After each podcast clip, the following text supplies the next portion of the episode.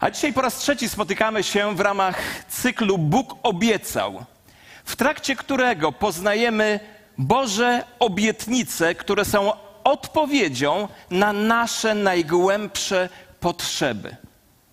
I do tej pory przyglądaliśmy się obietnicy, która brzmi: Nie porzucę cię, ani cię nie opuszczę, jako Bożej odpowiedzi na nasz strach. Mówiliśmy też o obietnicy, przecudownej obietnicy. Posłuchajcie jakiej? Ich grzechów i nieprawości więcej nie wspomnę. Bóg obiecał nie wypominać nam naszych grzechów. I jest to Jego odpowiedź, ta obietnica jest Bożą odpowiedzią na problem naszych win. A dzisiaj przyjrzymy się kolejnej obietnicy, która brzmi: Masz wyjście. Masz wyjście. Przyjrzymy się tej obietnicy jako Bożej odpowiedzi na pokusy, których doświadczamy. Tak już przecież jest, że wskutek naszej grzesznej natury, którą odziedziczyliśmy dzięki grzechowi Adama i Ewy, przychodzimy na ten świat właśnie ze skłonnością do grzechu, ze skłonnością do przeciwstawiania się Bogu. Odziedziczyliśmy, odziedziczyliśmy to po naszych prarodzicach.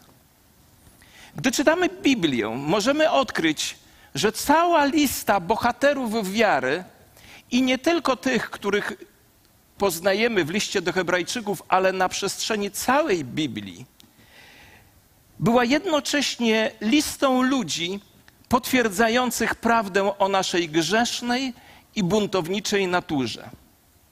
Posłuchajcie o tych bohaterach wiary. Abraham kłamał. Lot chodził na kompromisy. Jakub, patriarcha, oszukał swojego brata. Mojżesz wybuchał gniewem. Eliasz skarżył się na Boga. Król Dawid cudzołożył i podżegał do morderstwa. Jonasz uciekał przed Bogiem, a Piotr zaparł się Jezusa. To, co się z nimi stało i to, co się z nimi działo, może się przytrafić każdemu z nas. A pokusa ma to do siebie, że pojawia się w najmniej dla nas oczekiwanym momencie, zmuszając nas, byśmy stanęli do walki. Prawda jest jednak taka, jak mówi apostoł Paweł, i posłuchajcie tego uważnie, że nienawidziła, nienawiedziła nas, nienawiedziła nas pokusa inna niż ludzka. I teraz posłuchajcie. Lecz Bóg jest wierny i nie pozwoli. Bóg jest wierny i nie pozwoli, żebyście byli kuszeni ponad wasze siły. Bóg nie pozwoli, żebyśmy byli kuszeni ponad nasze siły, ale wraz z pokusą, i to jest obietnica, da wyjście, żebyście mogli ją znieść. Dlatego zatytułowałem dzisiejsze moje kazanie Masz wyjście, czyli Boża odpowiedź na pokusy. Zwróćmy uwagę teraz na kilka, dosłownie trzy prawdy płynące z tego wersetu. Prawda pierwsza: pokusa jest wspólnym doświadczeniem wszystkich chrześcijan. Wiecie, ja nie wierzę w sterylne chrześcijaństwo. Nie wierzę w chrześcijan niekuszonych, ponieważ pokusa jest wspólnym doświadczeniem każdego człowieka, także i chrześcijan. Wprawdzie rodzaje pokus zmieniają się z biegiem lat, ale nie znikają do końca naszych dni i dotykają trzech podstawowych rzeczy w naszym życiu: ciała, oczu i pychy życia. Po drugie, Bóg nigdy nie pozwoli, abyśmy znaleźli się w sytuacji, w której musimy ulec grzechowi. Bóg nie pozwoli, byśmy znaleźli się w sytuacji, w której będziemy musieli ulec grzechowi. I po trzecie, Bóg daje wyjście, a Boże wyjście ma to do siebie, że niekoniecznie usuwa nas z pola rażenia pokus, ale daje nam łaskę, by tę pokusę znieść. Słyszycie? Boże wyjście niekoniecznie usuwa nas z pola rażenia pokus, ale to Boże wyjście daje nam łaskę, byśmy mogli zwycięsko przez to wszystko przejść. Inaczej mówiąc, Bóg obiecuje dać nam to, czego potrzebujemy, aby skutecznie oprzeć się pokusom. Bóg nigdy nie zaprowadzi ciebie do miejsca, gdzie jedynym Twoim wyborem będzie nieposłuszeństwo. Słyszycie? Bóg nigdy nas nie doprowadza do miejsca, w którym naszym jedynym wyborem będzie nieposłuszeństwo. Nigdy nie musimy grzeszyć. Nigdy nie musisz grzeszyć. Kiedy robimy źle, nie możemy powiedzieć: Diabeł mnie do tego zmusił, Bóg mnie kusił. To my sami, tak jak Ewa w ogrodzie Eden, decydujemy się skosztować zakazanego owocu. Dlatego w Biblii czytamy, apostoł Piotr mówi tak: bądźcie trzeźwi, czuwajcie, bo wasz przeciwnik, diabeł, jak lew ryczący, krąży, szukając kogo by pożreć. Wiecie, jak gdy patrzę na swoje własne życie, dostrzegam, że najczęściej, w moim przypadku, najczęściej używanym przez diabła narzędziem jest zniechęcenie.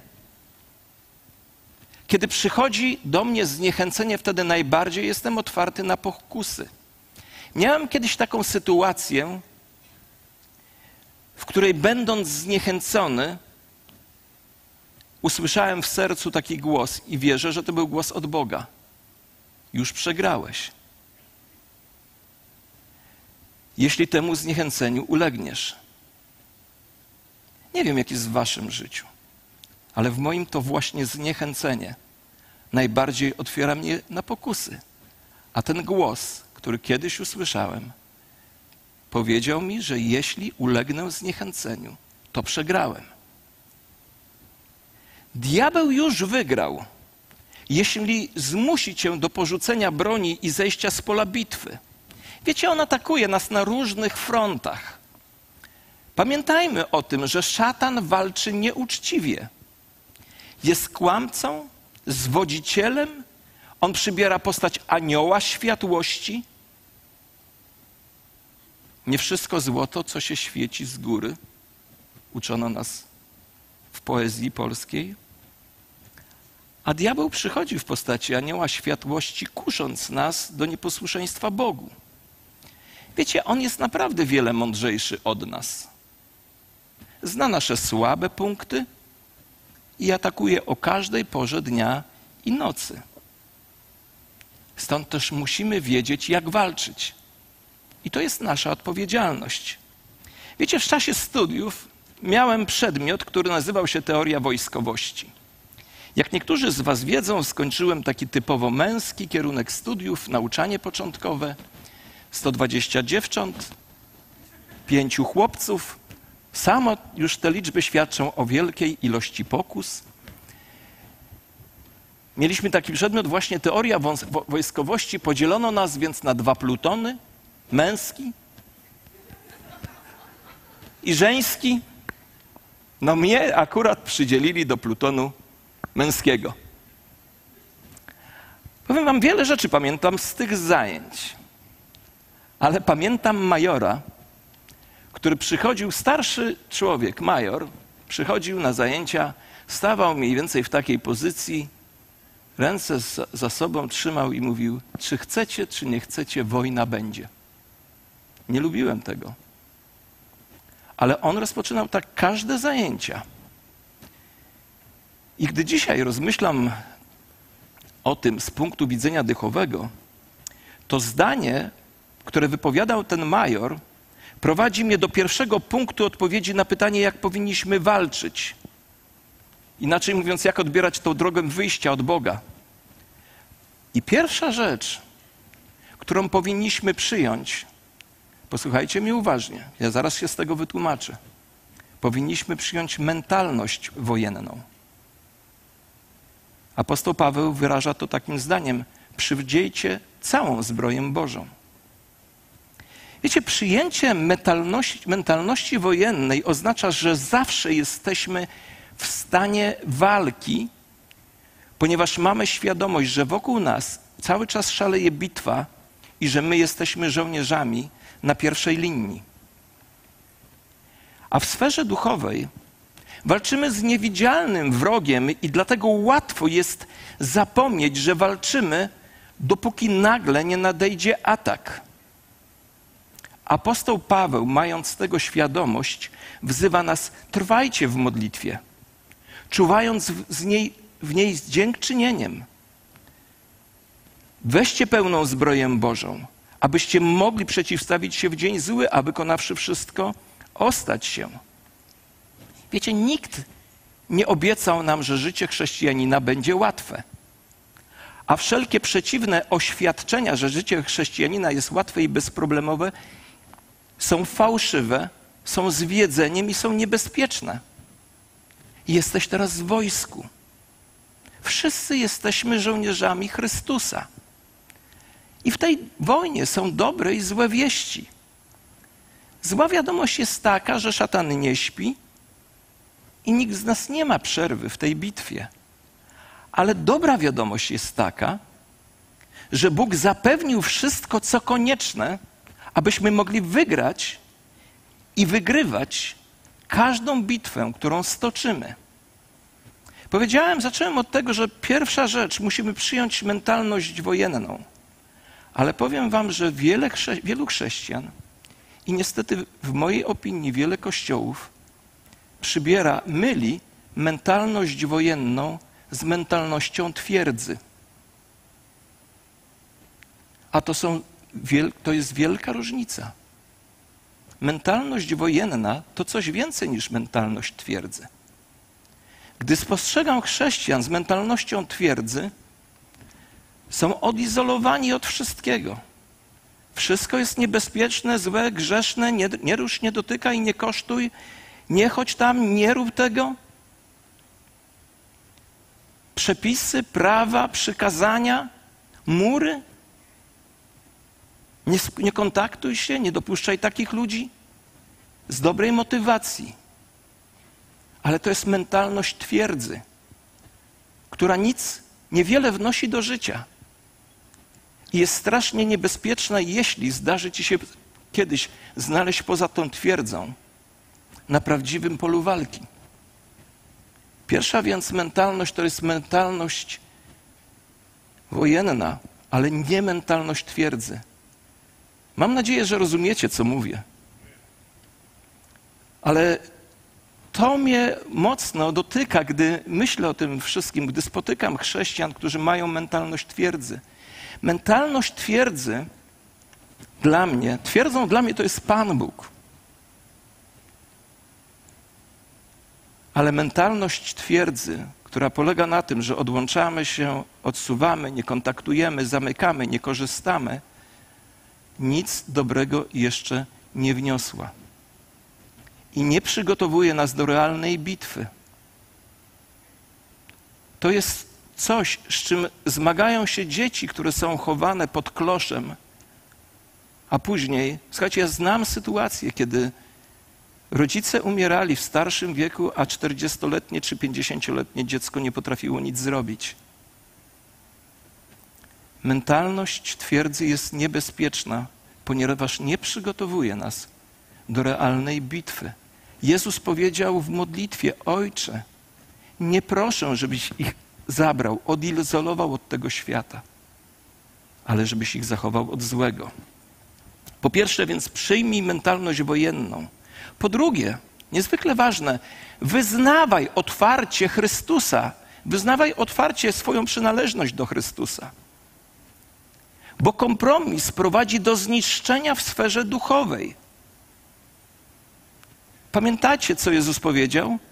Każdego więc, kto mnie wyzna przed ludźmi, i ja wyznam przed moim Ojcem, który jest w niebie.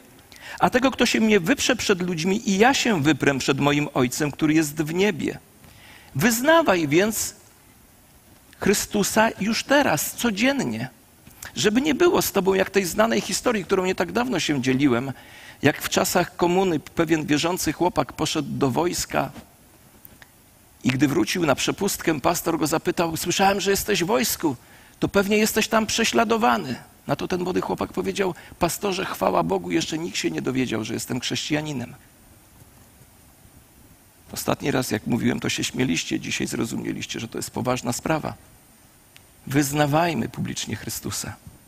Po trzecie, śpiewajmy Bogu w uwielbieniu. Wiecie, diabeł nienawidzi tego, kiedy śpiewamy Bogu w uwielbieniu, ponieważ pieśni uwielbienia, ja mówię o pieśniach uwielbieniach, o uwielbieniu, pobudza naszą duszę, podnosi nasze serce, przywraca nam wiarę. Ale jeszcze coś mi się przypomniało a propos twierdzy. Wiecie, większość, może nie większość, ale część chrześcijan ma mentalność tego, że Kościół jest w defensywie. Że my jako Kościół musimy ciągle się bronić przed atakami diabła. Powiem wam, że mnie to myślenie jest obce. Mentalność twierdzy stawia Kościół w defensywie, czyli w obronie. Ale mentalność wojenna ma świadomość, że Kościół jest w ofensywie. Kościół naciera na piekło, a bramy piekielnego go nie przemogą. Bramy stoją w miejscu, a my napieramy na nie. Pozyskujemy nowych ludzi, wyrywamy je z ciemności. Kościół jest w ataku, bo Kościół jest zwycięski.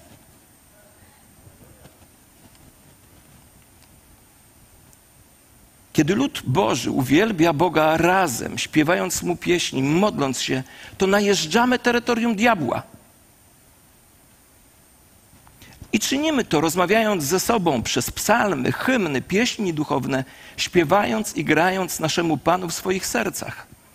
Wiecie, poprzez ten śpiew uwielbienia oddajemy cześć Panu Bogu i wzmacniamy otaczających nas ludzi. Wiecie, diabeł nienawidzi muzyki uwielbienia, pieśni uwielbienia, którą kocha Bóg. A śpiewając pieśni chwały, doprowadzamy diabła do szaleństwa. Po pierwsze, więc przyjmij mentalność wojenną. Po drugie, wyznawaj otwarcie Chrystusa. Po trzecie, śpiewaj pieśni uwielbienia. I po czwarte, zapamiętuj Słowo Boże. W swoim sercu zachowuję Twoje słowa, aby nie zgrzeszyć przeciwko Tobie. Słowo Boże nie tylko mówi jak na, nam, jak mamy żyć, daje nam również moc do dokonywania właściwych wyborów. Wiara pochodzi ze Słowa Bożego. Czasami jesteśmy bezradni, ponieważ nie wiemy, co na dany temat mówi Boże Słowo. Czasami poddajemy się, ponieważ nie rozumiemy obietnic Bożych. Dlatego tak ważne jest Słowo. W sercu swoim przechowuję Słowo Twoje, żebym nie zgrzeszył przeciwko Tobie. I po piąte, kształtuj swoje życie we wspólnocie wierzących, czyli w Kościele. Chcę Wam powiedzieć, że sami nie pokonamy diabła. Dlatego Nowy Testament zawiera tak wiele wzajemnych przykazań, wzajemnych w cudzysłowie. Kochajcie się nawzajem. Módlcie się za siebie nawzajem. Służcie sobie nawzajem. Budujcie się nawzajem. Wyznawajcie sobie nawzajem swoje grzechy. Zachęcajcie siebie nawzajem, bo jeśli jesteś sam, jesteś pokonany.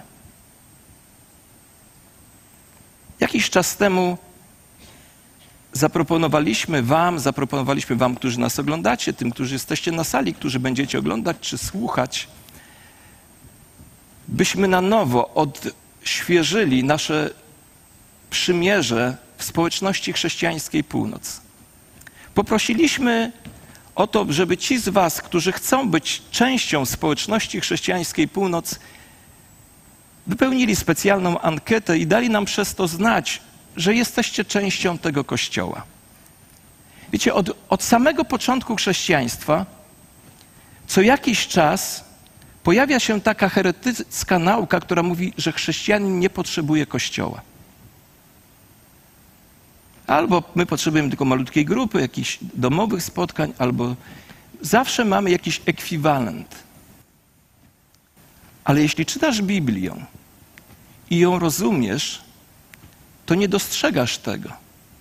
Kościół domowy jest ważny. Grupa domowa jest ważna. ale wspólnota kościelna, która zbiera się razem, ma szczególne znaczenie. Zadam wam trzy, powiem wam o trzech rzeczach, po których tych z was, którzy jeszcze nie dokonaliście, nie, nie, nie, nie wiecie, gdzie przynależycie, do jakiego kościoła, chcę was dzisiaj zachęcić, żebyście stali się częścią jakiegoś kościoła, świadomą. I powiem wam trzy proste powody, które są niezwykle ważne. Trzy, tu mi się cztery pokazuje, ale tu trzy. Powód pierwszy. Ok, najpierw zadam wam pytanie. Kto z was by chciał, żeby ktoś się o was modlił codziennie? Dajcie mi znać przez podniesienie ręki. W zasadzie powinienem zapytać, kto by nie chciał, bo pewnie są takie osoby. A kto z was wierzy, że modlitwa innych ludzi ma znaczenie i ma moc? To chcę ci powiedzieć, że jeśli jesteś świadomą, zgłosiłeś to, jesteś świadomą częścią społeczności chrześcijańskiej Północ, to chcę ci powiedzieć, że znam dwie osoby, które codziennie modlą się o ciebie. Osobiście znam. To jestem ja. Ja nie jestem jakiś wielki modliciel, ale to jest moja żona. Ale też wiem, że wielu z Was kocha modlić się i modli się o ten kościół. Jeśli nie jesteś częścią tego kościoła i żadnego, to gdy ktoś na całym świecie modli się Boże, błogosław społeczność chrześcijańską północ, to nie modli się o ciebie. Okradasz się z modlitwy ludzi w tym kościele i spoza tego kościoła. Wiecie, o nas się modlą ludzie w Australii, w Niemczech, w Stanach Zjednoczonych, na Ukrainie, w Rosji, Białorusi, w Chinach, w Kanadzie, w Japonii. Skąd to wiem? Bo mam tam znajomych, wiem, że się modlą. I jeśli jesteś częścią tego kościoła, to chcę Ci powiedzieć, codziennie na całym świecie ludzie modlą się o Ciebie. Być może ta modlitwa jest nawet nieprzerwana, 24 godziny na dobę, a Bóg słucha modlić swoich dzieci. Nie okradaj się. Nie musisz być częścią tego kościoła, ale bądź częścią jakiegoś kościoła. Ale czy ja muszę się zapisać, żeby być częścią? No taka jest u nas reguła. W innej rodzinie może tak inaczej, ale w naszej jest akurat tak. Nie okradaj się z tej modlitwy. Nie okradaj się i zrób to jak najszybciej.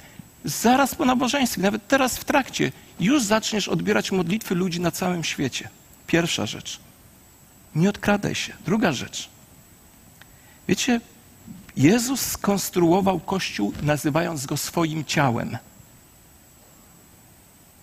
I to ciało, gdy czytasz Biblię, zobaczysz, że wyraża się na dwa sposoby. Uniwersalny, wszyscy ludzie na całym świecie, którzy są naśladowcami Jezusa, i wymiar lokalny. Jak czytasz Biblię, odkryjesz do kościoła w Koryncie, do kościoła w Efezjan, do kościoła w Smyrnie i tak dalej, do kościoła w domu, który spotyka się w domu tu i tu. Odkryjesz wymiar lokalny. I wymiar lokalny Kościoła to także ciało Chrystusa. I teraz pomyśl sobie, jeśli jesteś poza ciałem, to tak jakbym jakąś część ciała odłączył i położył na bok. Co się wówczas dzieje? Co się dzieje z, z kawałkiem ciała, które zostało odłączone i sobie gdzieś spoczywa obok? Gnije. Gnije. I za chwilę będzie śmierdzieć i umrze. Ale jeśli jesteś w ciele i na przykład skaleczysz się, ciało jest tak skonstruowane, że jak się skaleczysz, to zaraz ogromna ilość innych członków, innych części ciała pracuje na Twoje uzdrowienie. Jeśli jesteś poza ciałem, nie doświadczasz tego. Nie doświadczasz tego. Dlatego przyłącz się do jakiegoś kościoła. Może być to społeczność chrześcijańska północ, może być to inny kościół, ponieważ jeśli jesteś, nie jesteś nigdzie, okradasz się z, leczącej wpływy, z leczącego wpływu wspólnoty. Zobaczcie, co się dzieje. Skalecz się, a tu okazuje się, jak znacie trochę biologię, anatomię, to masę komórek, tam się dzieją różne rzeczy. W ogóle coś niesamowitego. Organizm, tak Bóg to stworzył, tak jest w Kościele. Chcecie realny przykład? Powiem z mojego życia. Wiele lat temu miałem, byłem naprawdę zniechęcony, czułem się skopany, czułem się zniechęcony, byłem gotów się poddać I przyszła mi taka myśl do głowy. Zwierzam się wam, otwieram przed wami moje serce. Przyszła mi taka myśl do głowy. Pójdę i zrobię coś takiego, co na zawsze przekreśli moją dotychczasową służbę i na przyszłość za zamknie mi drogę do służenia. Po prostu zrobię jakiś niemoralny zakręt. Taka myśl mi się pojawiła. Zrobię to, po prostu już jestem zmęczony, mam tego dosyć, już tego nie chcę, idę na, z przodu, już nie chcę, po prostu mam dosyć tego, tych wszystkich rzeczy. Zrobię coś takiego, co spalę mosty poza sobą i przed sobą. Zdążyłem to pomyśleć, tak pomyśleć, wsiadłem w samochód z taką myślą i telefon.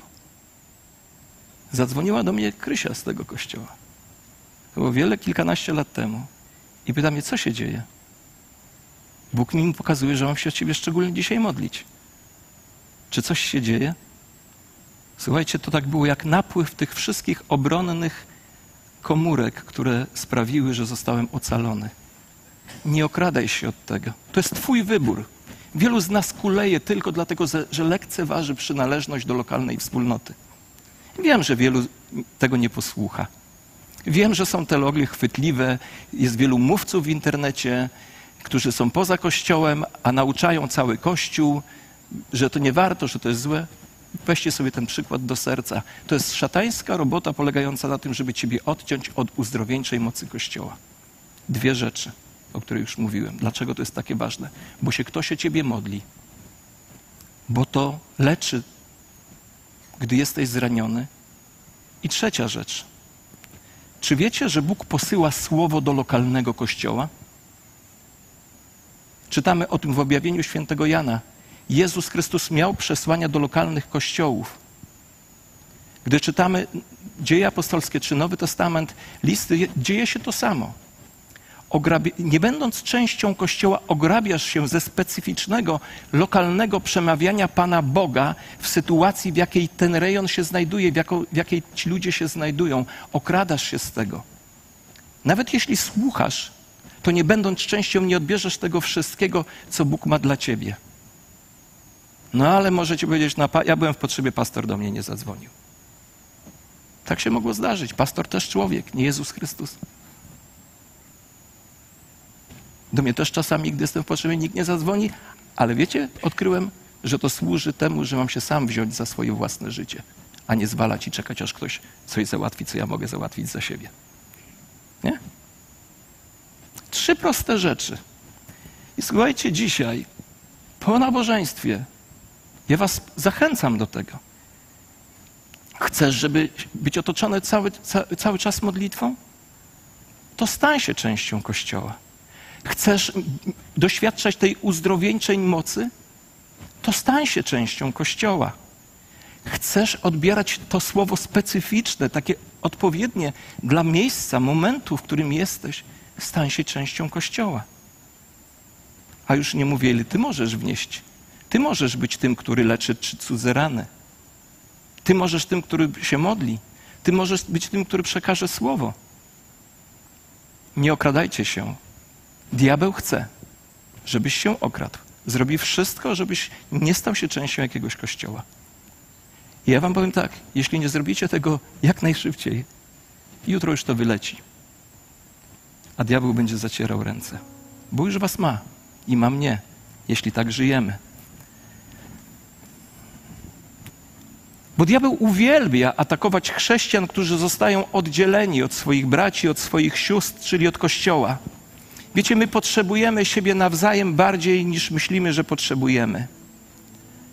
Gdy jesteśmy sami, a uderza pokusa, łatwo jest się poddać. Ale jeśli wiemy, że inni nas dopingują i są po to, aby nam pomóc, możemy znaleźć siłę, by iść dalej, nawet w najgorszych chwilach. Powinniśmy i musimy się modlić za siebie, bo modląc się razem, odnajdujemy siłę we wspólnych smutkach i ogromną dawkę adrenaliny we wspólnych radościach. Wiecie, słowa modlitwy wypowiadane w tajemnicy poruszają serce Pana Boga, a przyjaciele, którzy są razem z nami na polu bitwy, stają się jeszcze mocniejsi. Więc nie daj się zaskoczyć nagłymi atakami. zniechęcającymi wydarzeniami lub osobistymi rozczarowaniami. Często wydaje się nam, że walczymy na tysiącach frontów jednocześnie. Pamiętaj jednak o tym, że Bóg nie mierzy naszych duchowych postępów wielkimi bitwami, które wygrywamy lub przegrywamy. Ale nasze postępy, nasze postępy są najbardziej widoczne w tych malutkich potyczkach, o których być może nikt nie wie. I na zakończenie dwie myśli. Prowadzimy wojnę z wrogiem znacznie silniejszym niż my sami. On nie, nie zatrzymuje się przed niczym, on kłamie, oszukuje. Jeśli go dzisiaj pokonamy, on wróci jutro rano. Jeśli będziemy z nim walczyć o własnych siłach, przegramy. A jeśli zignorujemy tą walkę, to on już wygrał. Ale druga rzecz jest taka, i posłuchajcie: mamy zbawiciela, który jest znacznie silniejszy niż nasz wróg. A Kościół jest w ofensywie, a nie w defensywie, bo Kościół jest zwycięski, bo zwycięstwo jest w Jezusie Chrystusie. On walczył i wygrał bitwę dwa tysiące lat temu, kiedy umierał na krzyżu i zmartwychwstał. On jest niepokonanym mistrzem. A dzisiaj wspominamy Jego w niebo wstąpienie. Wstąpiwszy na wysokość, powiódł za sobą jeńców, ludzi obdarzył darami, a teraz żyje, żeby wstawiać się za nami. A wkrótce przyjdzie, aby nas zabrać do siebie. I każdy, kto łączy się przez wiarę z Jezusem Chrystusem, wygrywa, ponieważ On jest wodzem naszego zbawienia. Siły zła nie mogą mu się przeciwstawić. I oto wielka obietnica na dziś. Kiedy masz się ochotę poddać, poddać złości, poddać pożądaniu, chciwości lub tysiącom innych grzechom, pamiętaj, masz wyjście. Bóg obiecał, masz wyjście. Dlatego podnieś dzisiaj zbroję. Wróć do bitwy, bo Bóg jest po Twojej stronie a my razem możemy powiedzieć: Bogu zaś niech będą dzięki za to, że daje nam zawsze zwycięstwo w Chrystusie Jezusie, Panu naszym. Amen.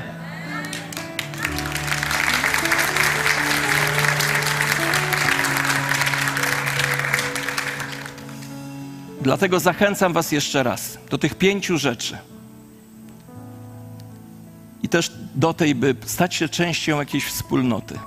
Jeśli chcesz się stać częścią wspólnoty, która się nazywa Społeczność Chrześcijańska Północ, przez naszą stronę internetową, przez Facebooka, nawet tak ułatwiliśmy, że dzisiaj możesz pobiec szybko do punktu informacyjnego, być pierwszy i powiedzieć: Pomóżcie mi, bo chciałem być częścią. I pamiętajmy, Bogu niech zawsze będą dzięki, bo On zawsze daje nam zwycięstwo w Chrystusie Jezusie, zwycięski Kościele. Jesteśmy powołani, a bramy piekielne nas nie przemogą, i to jest ta dobra nowina. Amen.